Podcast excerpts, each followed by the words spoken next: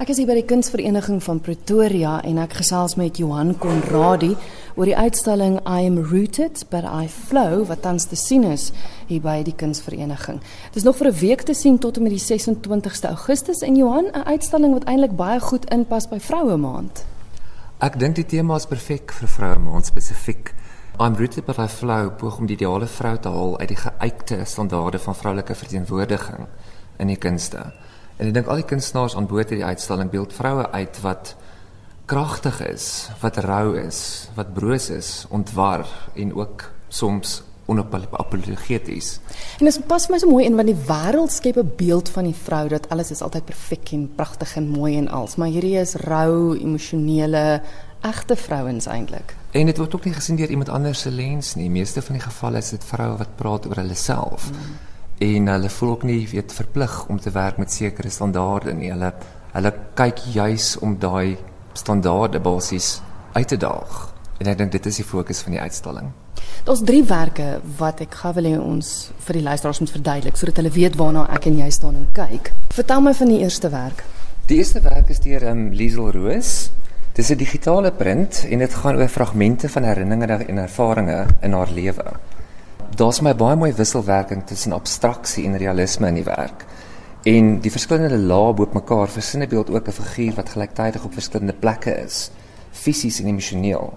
Dit wys 'n vrou wat haar pad moet 'n soort van navigeer tussen die verwagtinge wat die gemeenskap op haar plaas, maar wat sy ook op haarself plaas. Mm, mm. Want ek vind baie keer dis 'n geval dat vroue baie keer op hulle self hierdie dinge plaas en nie mm. noodwendig van van 'n eksterne source af nie. Mm. Gaan vir die luisteraars verduidelik dit lyk soos 'n foto soos jy nou gesê het digitale print waarna ons kyk en dit lyk soos daai blare dak waardeur jy kyk eintlik dis 'n klomp prentjies eintlik bo oor mekaar en mens moet mooi kyk om die verskillende vroue daarin te sien. En dan staan 'n portret versonke amper in hierdie water refleksie. Mm. Ehm um, van die kunstenaar self en ehm um, Ek dink dit daar's ook vir my nostalgiese waarde. Dit voel bietjie soos 1970s fotografie, daai tipe kwaliteit wat op vir my baie mm. baie vars is. En dan is hierdie 'n uh, interessante werk van ons kyk wat wat ook soos fotografie lyk. Is dit? Ehm um, die kunstenaar is die Makotsu uh, Matopa en dit is 'n digitale print. Ehm um, sy werk met swart identiteit en die evolusie van hoe swart vroue uitgebeeld is vanaf kolonialisme tot postkolonialisme. Haar figure is 'n uh, 'n tipe van 'n kulturele samesmelting van westerse invloede en en um, Afrika invloede. Ekskuus, want jy het vir my gesê sy neem haarself dikwels in museums en goed af. Sy plaas haarself in sekere kontekste waar sy ehm um, haarself fotografeer. Met die verskil is daar 'n vreeslike uitdagende blik hoe sy vir die kunstenaar vir die vir die, vir die aanskouer kyk mm. altans. En ehm um, weet sy's nie passief nie. Daar's 'n inherente krag in wat sy doen.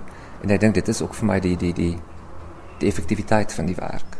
Dis nie 'n duidelike foto nie in die sin dat dit lyk asof dit 'n sepia tipe van is 'n dowwe, maar eh, kyk ek reg as ek sê sy staan kaal met haar rug na die kyker, maar dan sy een van daai hoepel onderrokke aan. Sy sal byvoorbeeld haarself in die Linksfield um, museum plaas en dan van die props gebruik in die museum self om haar basies te fotografeer. So dit sy is naak en dit lyk soos 'n Victorian tipe van 'n 'n um, hoepelrok amper wat sy aan het maar dan die die vreeslike ongemak van die van die konfrontasionele blik na die aanskouer se kant toe. So dis daai haat tradisie met die moderne of die westerse. Korrek. En dan die derde werk waaroor ek wil hê ons gaan moet praat is eh, so duidelik gaan vir die luisteraars wat dit is. Dit uh, lyk soos 'n doringdraad heining en dan staan vroue onderklere daaraan. Dis 'n werk deur Kim Berman en haar fokus is basies op Suid-Afrikaanse landskap en ook sosiale ontwrigting. Dit is 'n landskap en dan voor is daar 'n um, doringdraad en waar vroue onderklere basies vassit in die doringdraad. 'n Bietjie van 'n humor wat ek van hou. Die landskap agter is baie uitgeblyk. Mm.